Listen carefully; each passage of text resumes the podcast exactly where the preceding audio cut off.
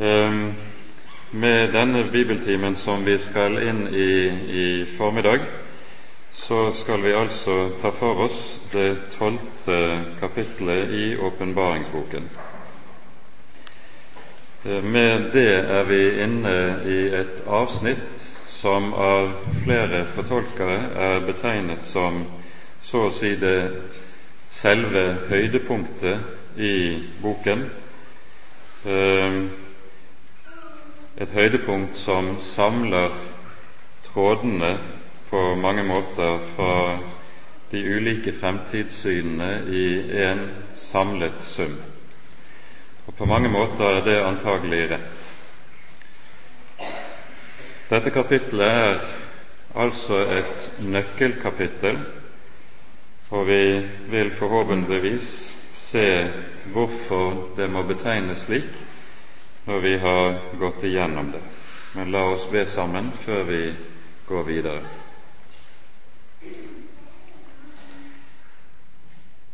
Herre, du som er den levende og hellige Gud, så takker og lover vi deg for all din miskunnhet og all din godhet imot oss.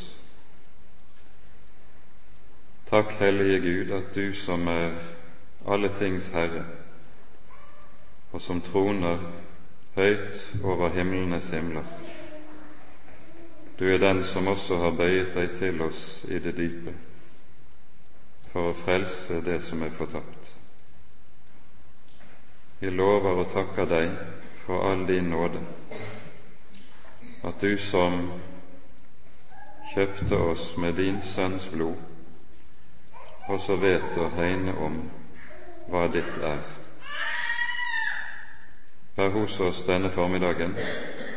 Send din Hellige Ånd og gi lys i dine ord, og gi oss stillhet for ordet, at det må få gjøre sin gjerning. Amen.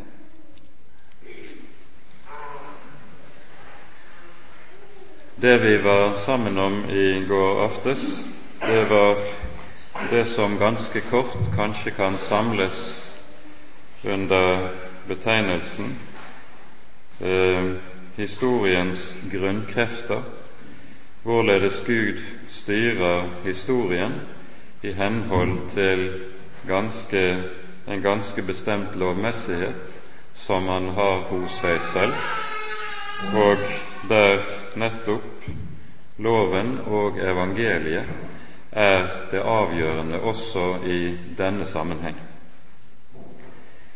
Når vi nå gir oss i kast med kapittel 12, så kan dette på mange måter samles under betegnelsen historiens grunntema, som angis for oss med dette kapittelet. Den store striden, den store kampen, der med andre ord tale om noe som går igjennom hele historien fra begynnelsen til enden, like som en rød tråd. Og det er det som omtales i dette kapittelet. Men la oss nå lese det i sammenheng. Et stort tegn ble sett i himmelen. En kvinne kledd med solen og månen under hennes føtter og på hennes hode en krone av tolv stjerner. Hun var fruktsommelig og skrek i barnsnød og fødselsveier, og et annet tegn ble sett i himmelen, og se, en stor ildrød drage som hadde syv hoder og ti horn, og på sine hoder syv kroner, og dens stjert dro tredjedelen av himmelens stjerner med seg og kastet dem på jorden. Og dragen sto foran kvinnen som skulle føde, for å sluke henne, hennes barn, når hun hadde født. Og hun fødte et guttebarn, som skal styre alle hedningene med jernstav. Og hennes barn ble bortrykket til Gud og til Hans trone og kvinnen flydde ut i ørkenen hvor hun har et sted som er gjort i stand for henne av Gud, for at de der skulle gi henne hennes føde i 1260 dager. Og det ble en strid i himmelen. Mikael og hans engler tok til å stride mot dragen, og dragen stred og dens engler. Men de maktet det ikke, heller ikke ble deres sted mer funnet i himmelen. Og den store drage ble kastet ned, den gamle slange, han som kalles djevelen og Satan, han som forfører hele jordriket. Han ble kastet ned på jorden, og hans engler ble kastet ned med ham. Og jeg hørte en høy røst i himmelen si:" Fra nå av tilhører frelsen og styrken og riket vår Gud og makten Hans salvede. For våre brødres anklager er kastet ned, han som anklaget dem for vår Gud dag og natt. Og de har seiret over ham i kraft av lammets blod og det ord de vitnet, og de hadde ikke sitt liv kjært like til døden. Derfor fry dere, dere himler, og dere som bor i dem, ved jorden og havet, for djevelen er faret ned til dere i stor vrede, fordi han vet at han har bare en liten tid.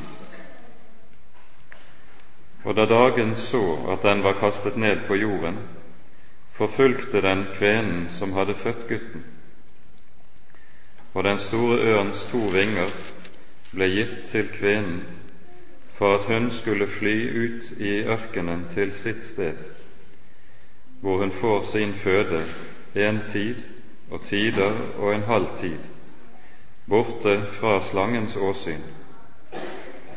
Og slangen sprutet av sin munn vann som en elv etter kvinnen for å rive henne bort med elven.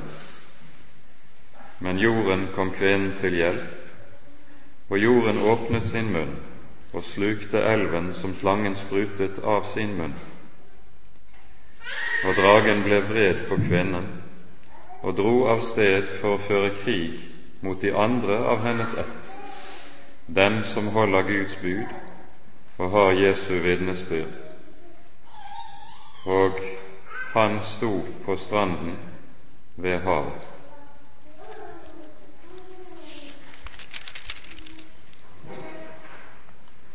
Dette kapitlet innledes altså med synet av to tegn.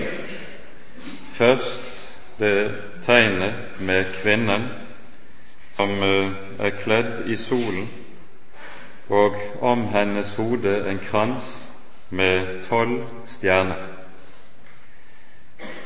Og dernest tegnet med dragen syv hoder og ti kroner.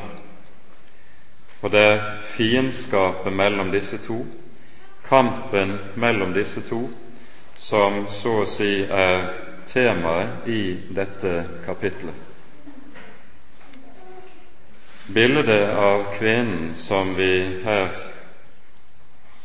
får tegnet for oss, det forstår eh, enhver bibelleser er hentet fra Første Mosebok, fra det 37. kapittelet, der vi hører Josefs drøm, hvor eh,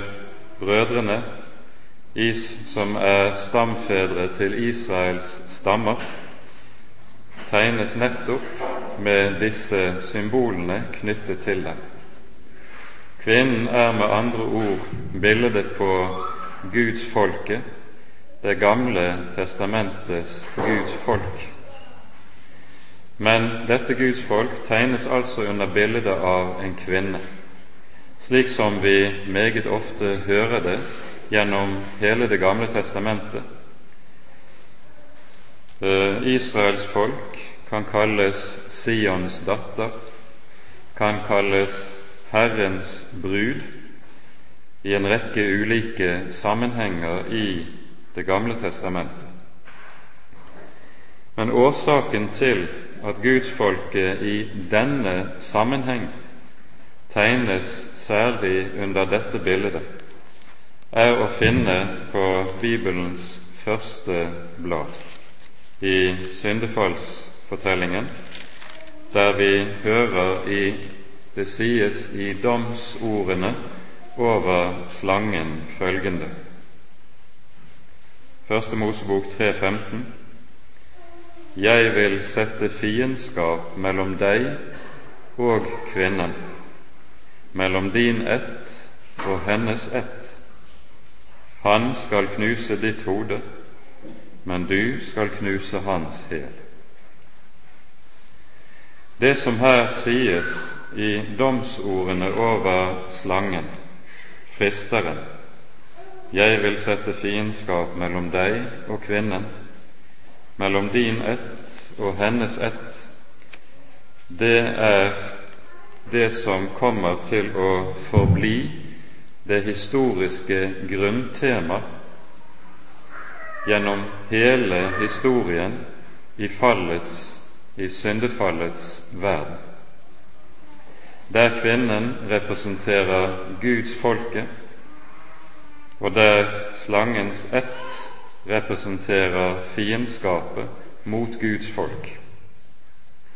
Når vi så kommer inn i det fjerde kapittelet i første Mosebok og hører beretningen om Kain og Abel, er det vi finner det første eksempelet på hvorledes dette fiendskapet arter seg og ytrer seg. Det er to brødre, Adams og Evas første sønner, som etter at de har gjort sitt arbeid på hver sitt område, bringer frem offergaver til Herren. Kain bringer frem offer av markens grøde, Abel av de førstefødte dyr i sin jord. Og vi hører det sies Herren så til Abel og hans offer, men Kain og hans offer så han ikke til. Og så har det vært mye spekulasjon knyttet til spørsmålet hva er det som gjør at Herren tar imot Abels offer, men ikke Kains? Er det fordi Abel ofrer av blodige offer, det førstefødte i sin jord, og det gjør ikke Kain, eller hva kommer dette av? Bibelteksten selv svarer på hva som er årsaken til dette. For dette er jo noe vi vet fra Skriften for øvrig, er en grunnlov i alt Guds folks liv når man trer frem for den levende Gud, ser Herren til hjertene. Og hvorledes det står til i Kain sitt hjerte, det får vi meget klart lys over nettopp her i det fjerde kapittelet i Første Mosebok. For her hører vi hvorledes Herren oppsøker Kain tre ganger, ta, taler til ham, kaller på ham til omvendelse og til oppgjør. Og det som skjer for Kains vedkommende, er at han hver gang avviser Herrens tiltale og vender det døve øret til. Og så vet vi et menneskes forhold til Gud er nøyaktig som dets forhold til Guds ord. Av dette er det vi ser meget tydelig hva som bor i Kains hjerte. Han er en som står Herren imot, fordi han står Guds ord imot. Men da er det vi også får øye på en særegenhet, en særlig foreteelse. Et menneske som står Gud imot, dyrker samtidig Gud. Altså, han ofrer, han ber, han er det vi kan kalle for religiøs. Og hva er dette for noe? det er uttrykk for det som gjerne kalles for det naturlige menneskets religiøsitet. Det at det naturlige mennesket er av sitt vesen meget religiøst, men det naturlige menneskets religiøsitet er kjennetegnet av nettopp det vi ser hos Kain. Man vil dyrke Gud, men man vil ikke vende om. Det kjennetegner all falsk gudsdyrkelse. Og det vi dermed blir stående overfor, er den falske gudsdyrkelse legemliggjort i Kain og den levende og sanne gudsdyrkelse levendegjort hos Abel. Og her, i dette møtet, kommer det til syne som alltid vil ytre seg. Den falske gudsdyrkelse tåler ikke den sanne.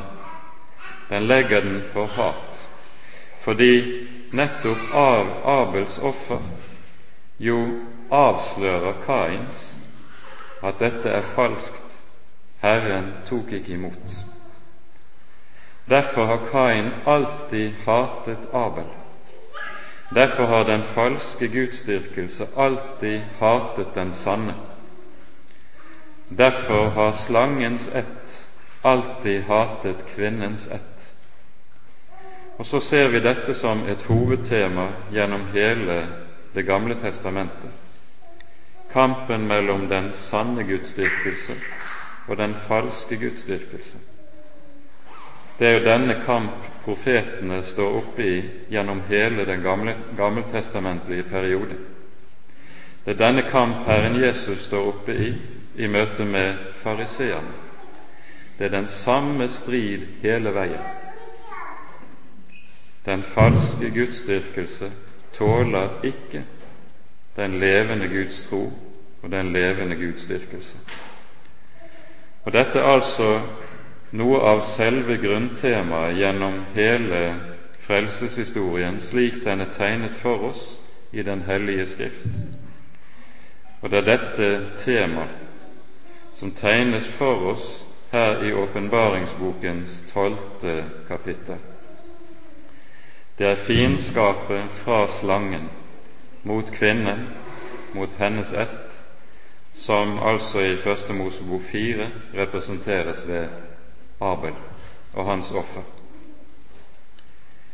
Dette fiendskapet er også angitt for oss i innledningen til Salmenes bok, nemlig i Salme 2.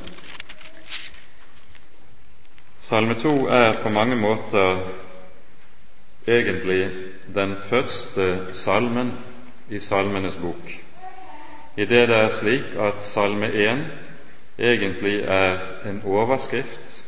Den er overskriften over hele boken, slik at Salme 2 egentlig er den første salmen. Og det er ikke tilfeldig at nettopp denne salmen, som er den første salmen i Salmenes bok, taler om det vi her hører. Hvorfor larmer hedningene og grunner folkene på det som fåfengt er? Jordens konger reiser seg, fyrstene rådslår sammen mot Herren og mot Hans salvede.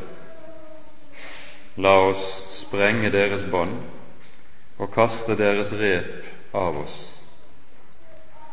Slik reiser oppgjøret seg, slik ytrer fiendskapet seg mot kvinnen, mot kvinnens ett. Og så kommer Guds tilsvar i det fjerde verset. Han som troner i himmelen ler. Herren spotter dem.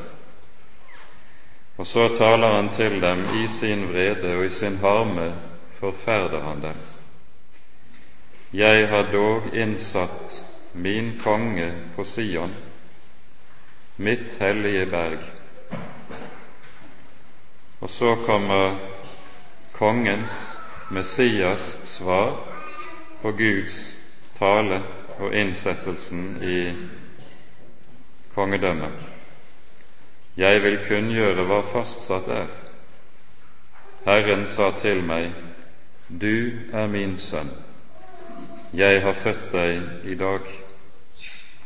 Begjær av meg, så vil jeg gi deg hedningene til arv og jordens ender til eie.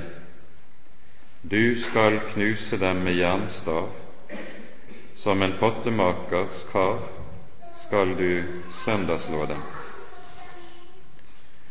Og Dermed så ser vi båndet inn i åpenbaringsbokens tolvte kapittel.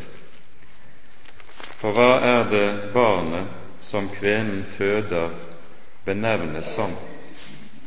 Det er han som skal styre folkeslagene med jernstav.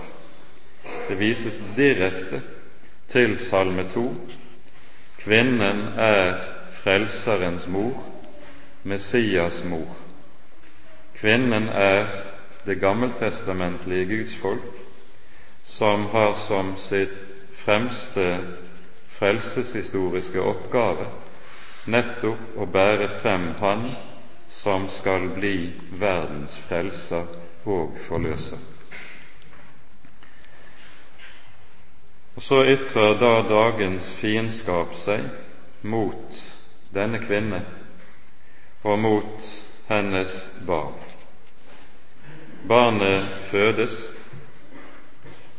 og det som nevnes i tekstsammenhengen her i Åpenbaringen 12, er kun to begivenheter fra Jesu historiske liv.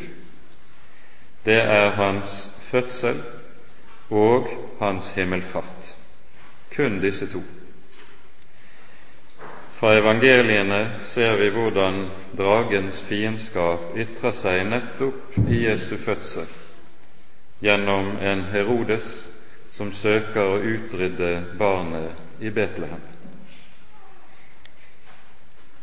Men dragens fiendskap er altså fånyttes, barnet rykkes bort. Noe som henger sammen med et underlig trekk i Guds ord som kalles for en hemmelighet. I de nye bibeloversettelsene er ordet oversatt med 'mysterium', for det er det det er. Som et mysterium, som en hemmelighet, taler vi Guds visdom, som Gud forut har bestemt til vår herlighet, skriver Paulus i 1. Korinterbrevs 2. kapittel. En visdom som denne verdens herrer ikke kjente. For hadde de kjent den, hadde de ikke korsfestet herlighetens Herre. Forunderlige ord. Det apostelen taler her i 1. Korinterbrev 2, det er at hadde djevelen, hadde dragen, kjent Guds mysterium, som er korset, så hadde han ikke søkt å utrydde Guds sønn gjennom å korsfeste ham. For nettopp korset, der djevelen tror at slik har han beseiret den levende Gud. Det blir djevelens undergang og djevelens nederlag. Hadde de kjent hemmeligheten, hadde de ikke korsfestet herlighetens Herre, sier apostelen. Og Derfor er djevelens, dragens fiendskap fånyttes. Han når ingen vei.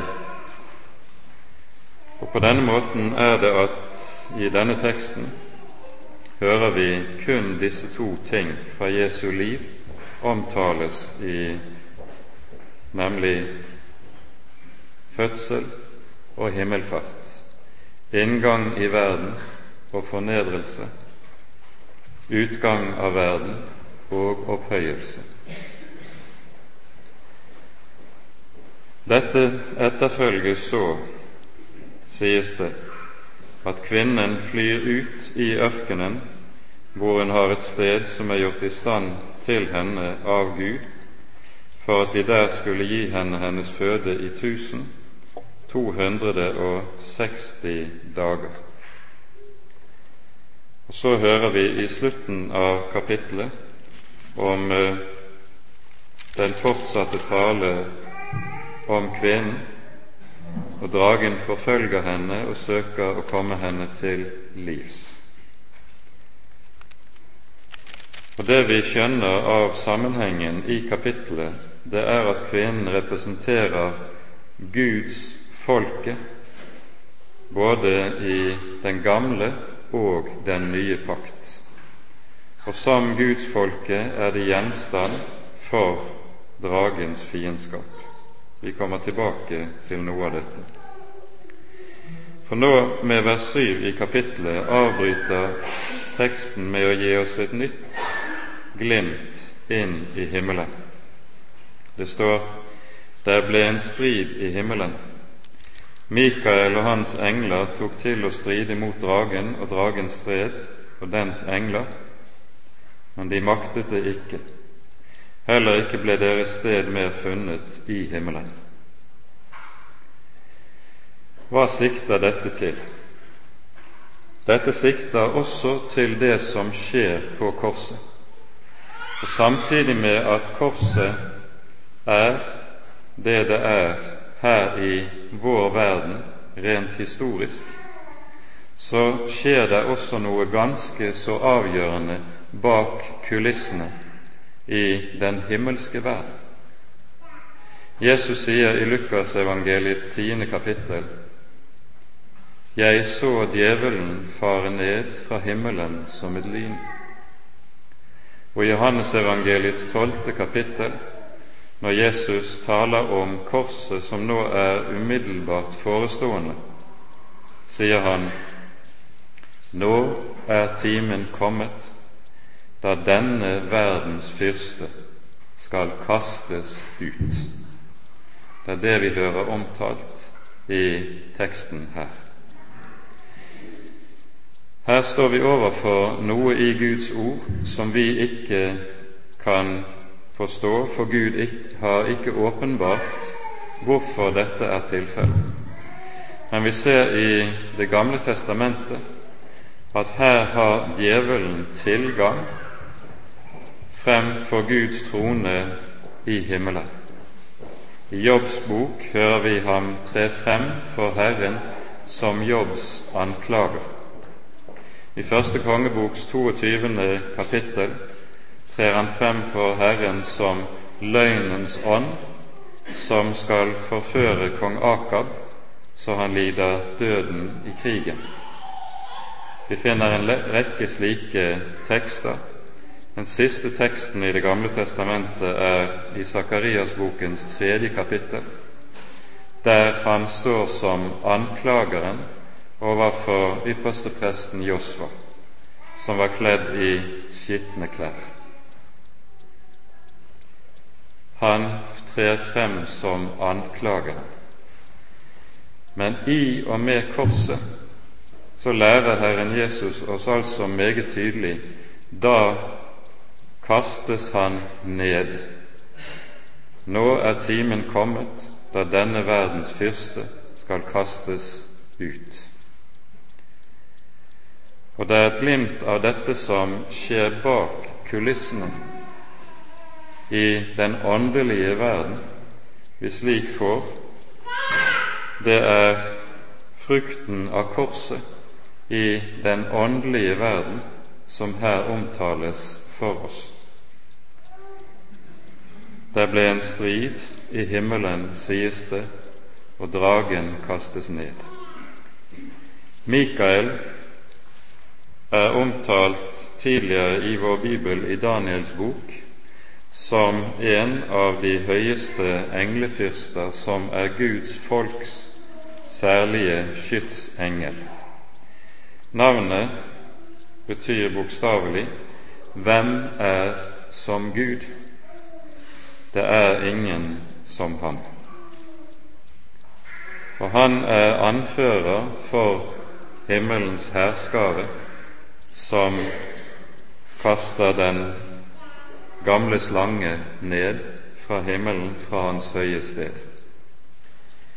Når det står om dragen i vers 4 at den med sin stjert dro tredjedelen av himmelens stjerner med seg, så peker det muligens hen til at når djevelen i opphavet faller, gjør opprør mot Gud, så drar han også en stor del av englene med seg i fallet.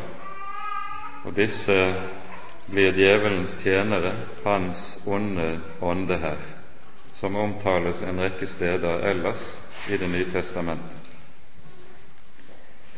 Alle kastes ned, og så lyder lovsangen fra det høye i fortsettelsen. Men legg merke til hva som her sies om djevelen i det niende verset. For her listes det opp den store drage ble kastet ned. Den gamle slange. Det siktes til syndefallsfortellingen, der den onde nettopp fremtrer som slangen, som er giftig, som fordi den tilsynelatende ikke er særlig stor, alltid angriper bakfra, sniker seg innpå ubemerket og forgifter sitt offer. Og så hører vi navnene han som kalles djevelen. Det greske ordet diabolos betyr anklageren. Og Satan, som betyr et hebraisk ord som betyr motstander eller fiende. Han er Guds fiende han som forfører hele jordriket. Vi skal merke oss at når den onde her omtales, ikke minst som anklageren, så er det dette der er tale om når vi hører om Kristi seier på korset i Kolosserbrevets annet kapittel. Vi må sitere herfra. Det står i Kolossene 2, vers 14 og 15 følgende. Han utslettet skyldbrevet mot oss som var skrevet med bud, det som gikk oss imot. Det tok han bort idet han naglet det til korset og han avvæpnet maktene og myndighetene og stilte dem åpenlyst til skue, idet han viste seg som seierherre over dem på korset. Det første vi skal legge merke til i disse to versene, det er nettopp sammenhengen mellom vers 14 og vers 15. I vers 14 er det tale om loven som anklagebrev og anklageskriv mot oss, mot Guds barn.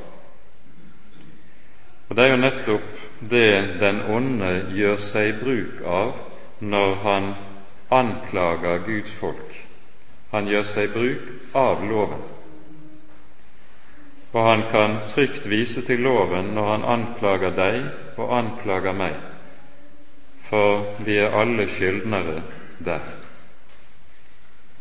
Og så er det nettopp fordi djevelen bruker loven som anklageskriv mot Guds folk, at apostelen også må understreke at just dette anklageskriv, det ble korsfestet da Guds sønn led døden.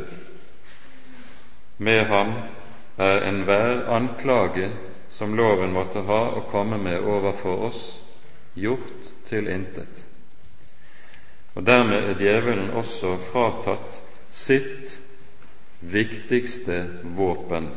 Han avvæpnet maktene og myndighetene, står det. Men vi skal også i den sammenheng merke oss en annen viktig sak. Det står at han stilte dem åpenlyst til skue idet han viste seg som seierherre over dem på korset. Er det noe djevelen ikke tåler, så er det å bli stilt åpenlyst til skue. For det annet våpen som djevelen har, det er at han har det med seg at løgnen er hans fremste redskap. Han er en løgnens far, sier Jesus i Johannesevangeliets åttende kapittel. Det betyr at han alltid bærer maske. Det betyr at han alltid opptrer som en som utgir seg for noe annet enn den han er. Forstillelse, hykleri, løgn, det er hans våpen.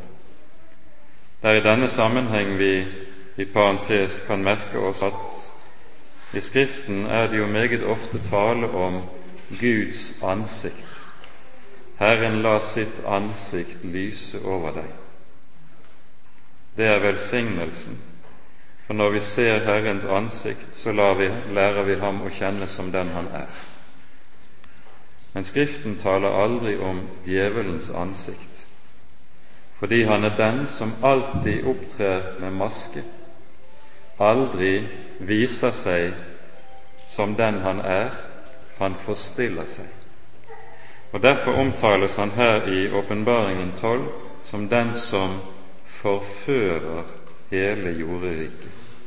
Han er bedrageren, han er forføreren, han er lysets engel. Og denne forførende makt som djevelen har, når han opptrer som løgneren, den er det som utfoldes for oss i det neste kapittelet som vi skal være sammen om i ettermiddag, når han forfører hele jorden. Og slik er det altså vi nå hører det sies han er kastet ned. Og så lyder lovsangen. Det sies om Guds folk de har seiret over ham i kraft av lammets blod og det ord de vitnet, og de hadde ikke sitt liv kjært like til døden. Her er seieren gjemt. Her er det Guds folk har sin frimodighet. Frimodigheten ligger hos Han, hos lammet som ble slaktet. Og vi merker oss det sies i kraft av lammets blod. Ikke i kraft av noe hos oss selv. Det sies ikke at Guds folk seirer i kraft av sin utholdenhet, sin standhaftighet, sin helliggjørelse, sin lydighet, men det sies i kraft av lammets blod. Og det er intet annet som duger overfor denne forferdelige fiende som vi her får malt for våre øyne. I kraft av lammets blod og det ord de vitnet. Hvilket ord er det? Det er jo ordet om lam, først og fremst. For det som er Guds folks kjennetegn og Guds folks liv, det er nettopp ordet som er dem gitt i evangeliet om lammet og dets seier. Og dette ord har det med seg at der hvor Guds folk tar vare på Guds ord, der tar Guds ord vare på Guds folk. Ordet har denne kraft i seg at det er det som bevarer.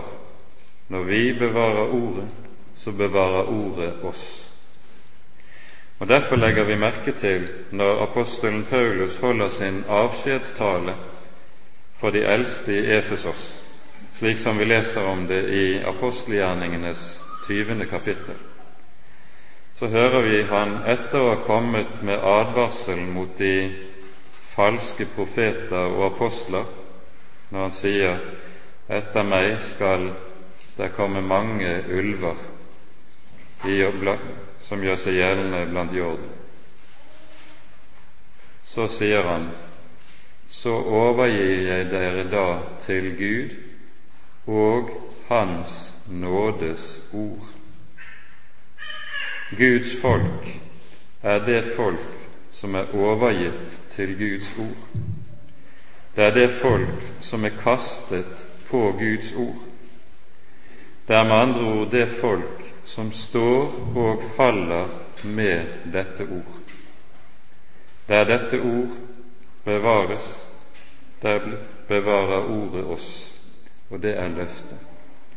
For ordet har en makt i seg som den levende Gud selv har lagt ned i det, og som gjør at det nettopp kan bevare. Det er derfor Skriften, det er derfor Ordet kalles for et levende og virkekraftig ord. Det er derfor Jesus kan si, som han gjør i Johannesevangeliets sjette kapittel, det er Ånden som gjør levende kjødet gagner intet. De ord jeg har talt til dere, er ånd og er liv. Jesus sier ikke bare de ord jeg har talt til dere, handler om ånd og liv. Nei, han sier ordene er ånd og liv. Ordet er altså bærer av Den hellige ånd. Ordet er bærer av det evige liv, slik at den som hører og tar dette ord til seg, får del i den ånd og i det evige liv som ligger i ordet, og som Jesus selv har nedlagt i det. De har seiret over ham i kraft av lammets blod og det ord de vitnet. Og fordi dette er det som er livet for Guds folk, er det nettopp dette også slangens fiendskap alltid retter seg mot. Det er dette slangen alltid søker å ødelegge i Guds folks liv. Derfor vil slangens fiendskap rette seg mot forholdet til Guds ord, like som fra begynnelsen av når han lar det lyde Har Gud virkelig sagt? Han søker å ødelegge forholdet til Ordet, for derigjennom kan han ødelegge forholdet til Gud. Og så retter fiendskapet seg mot troen på lammets blod, mot selve evangeliet. Og dette fiendskap mot evangeliet mot troen på Kristi stedfortredende lidelse for vår skyld. Dette fiendskapet er det som mer enn noe annet er drivkraften i dragens bestrebelser. Og Derfor vil du se gjennom hele Kirkens historie er det ikke minst dette Kristi stedfortredende lidelse for vår skyld, og det at dette er den eneste grunn til menneskets salighet. Det er det djevelen søker å ta fra oss. Det er det han søker å skape forvirring rundt, uklarhet rundt, for at frimodigheten, håpet og frelsen skal bli borte for Guds barn så er det noen for hvem disse to ting er selve livet. De har seiret over ham i kraft av lammets blod og det ord de vitnet. Og så står det og de hadde ikke sitt liv kjært, like til døden. Lammets blod og dette ord hadde fått slik betydning for dem at det betyr mer enn selve livet. men for all den ting jeg visste, kan jeg ei min Jesus miste. David synger i Salme 63 Din miskunnhet, Herre, er bedre enn livet. Og det er det som klinger i det vi her leser. Og Det er derfor Guds folk også kan være et folk som holder ut selv under de hårdeste trengsler som vil ligge foran i det vi leser videre i åpenbaringsboken nå. Det er noe som betyr mer for dem enn livet selv. Lammets blod og ordet om lammet. Kapittelet slutter med, som vi hører, dragen så at den var kastet ned på jorden, og forfulgte da kvinnen som hadde født gutten. Den store ørns vinger ble gitt kvinnen for at hun skulle fly ut i ørkenen til sitt sted, hvor hun får sin føde en tid, og tider og en halv tid borte fra slangens åsyn. Og dette som nå tales til oss under bilder og i symbolsk form, slangen sprutet av sin munn vann som en elv etter kvinnen, det er bilder som er, går igjen en rekke sammenhenger i Det gamle testamentet. Ganske særlig sikter det vi her hører i vers 15 og 16, til Jesaja-bokens åttende kapittel, der vi hører om den asyriske verdensmaktens fiendskaps mot Guds folk, og som sammenlignes med en slik veldig flom som oversvømmer landet, en sterk flod som river alt med seg. Og vi kan tenke også på den 93. salmen, som taler om hvorledes de store, de veldige vann reiser seg mot Herren og mot Hans trone, og hvor det lyder mer enn røsten av de store, de herlige vann, er Herren herlig i det høye. Når det nemlig sies om kvinnen at hun for ørnens vinger drar ut i ørkenen til et sted Gud har gjort i stand for henne, så det taler om at Herren midt i den trengsel som dragen underkaster Guds folk, så vil Herren vite å ta vare på sine. Ørkenen blir tilfluktsstedet som det var det for Guds folk gjentatte ganger gjennom den gamle pakts tid.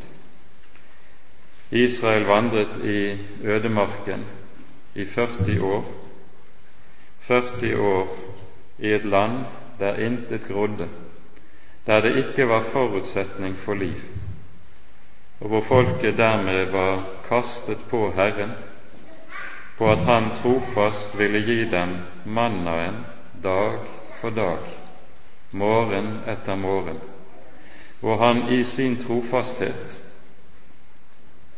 måtte la sin nåde vise seg ny hver morgen. Det at Han som er Herre, hegner om det som Hans er, det er det teksten her taler om For at midt inn i selv den dypeste trengsel, midt inn i den dypeste nød, vil Han som er Herre, ikke glemme sine. Vi sier jo gjerne slik at det dyreste vi eier, det er våre barn. Det dyreste Gud eier, det er hans barn og han hegner om hva hans er. Og med tanke på det vi her står overfor i bibelteksten, så skal vi kanskje minne om å lese den 46. salme.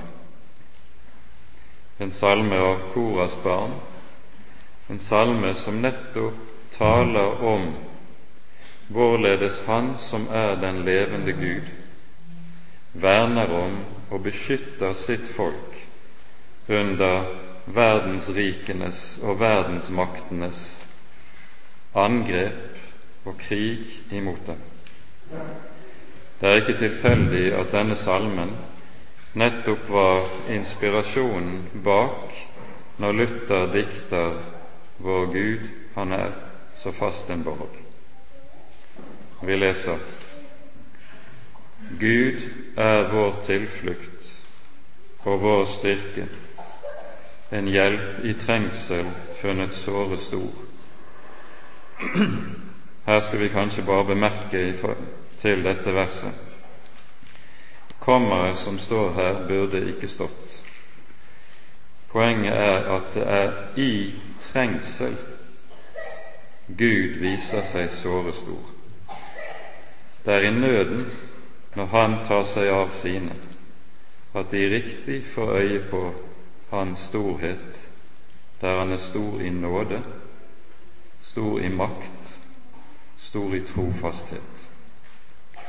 Gud er vår tilflukt og vår styrke, en hjelp, i trengsel funnet såre stor. Derfor frykter vi ikke om jorden omskiftes om fjell rokkes i havets hjerte, om dets bølger bruser og skummer og fjell bever ved dets overmot. En strøm, dens bekker gleder Guds stad, den høyestes hellige bolig. Gud er midt i den, den skal ikke rokkes. Gud hjelper den når morgenen bryter frem. Folkeferd bruste, riker ble rokket, han lot sin røst høre, og jorden smeltet. Herren, herskarenes Gud, er med oss. Jakobs Gud er vår faste bok. Kom og se Herrens gjerninger, som har gjort ødeleggelse på jorden han gjør ende på krigene over hele jorden, bryter buen sønder og hugger spydet av, vognene brenner han opp med ild. Hold opp og kjenn at jeg er Gud. Jeg er opphøyet blant folkene, opphøyet på jorden. Herren, herskarenes Gud, er med oss. Jakobs Gud er vår faste borg. I parentes legger vi merke til to ting ved dette vers 12, som altså er en gjentagelse av det som sies, også sies tidligere i salmen. Herskarenes Gud er et av Det gamle testamentets navn på Gud som den allmektige. Det er troen på Ham som har all makt i himmel og på jord, som er noe av trøstegrunnen for Guds folk. For det annet, han kalles i denne sammenheng også for Jakobs Gud, et navn som er et av de hyppigste navnene på Herren i Det gamle testamentet et navn som er den gammeltestamentlige motsvarigheten til at Jesus kalles synderes venn. Det er ikke tilfeldig at Herren nettopp benevnes med disse navn i denne sammenheng. For det er jo det Guds folk består av, syndere for hvem lammets blod er kommet til å bety mer enn alt. Ære være Faderen og Sønnen og Den hellige ånd, som var og er og være skal en sann Gud, høylovet i evighet. Amen.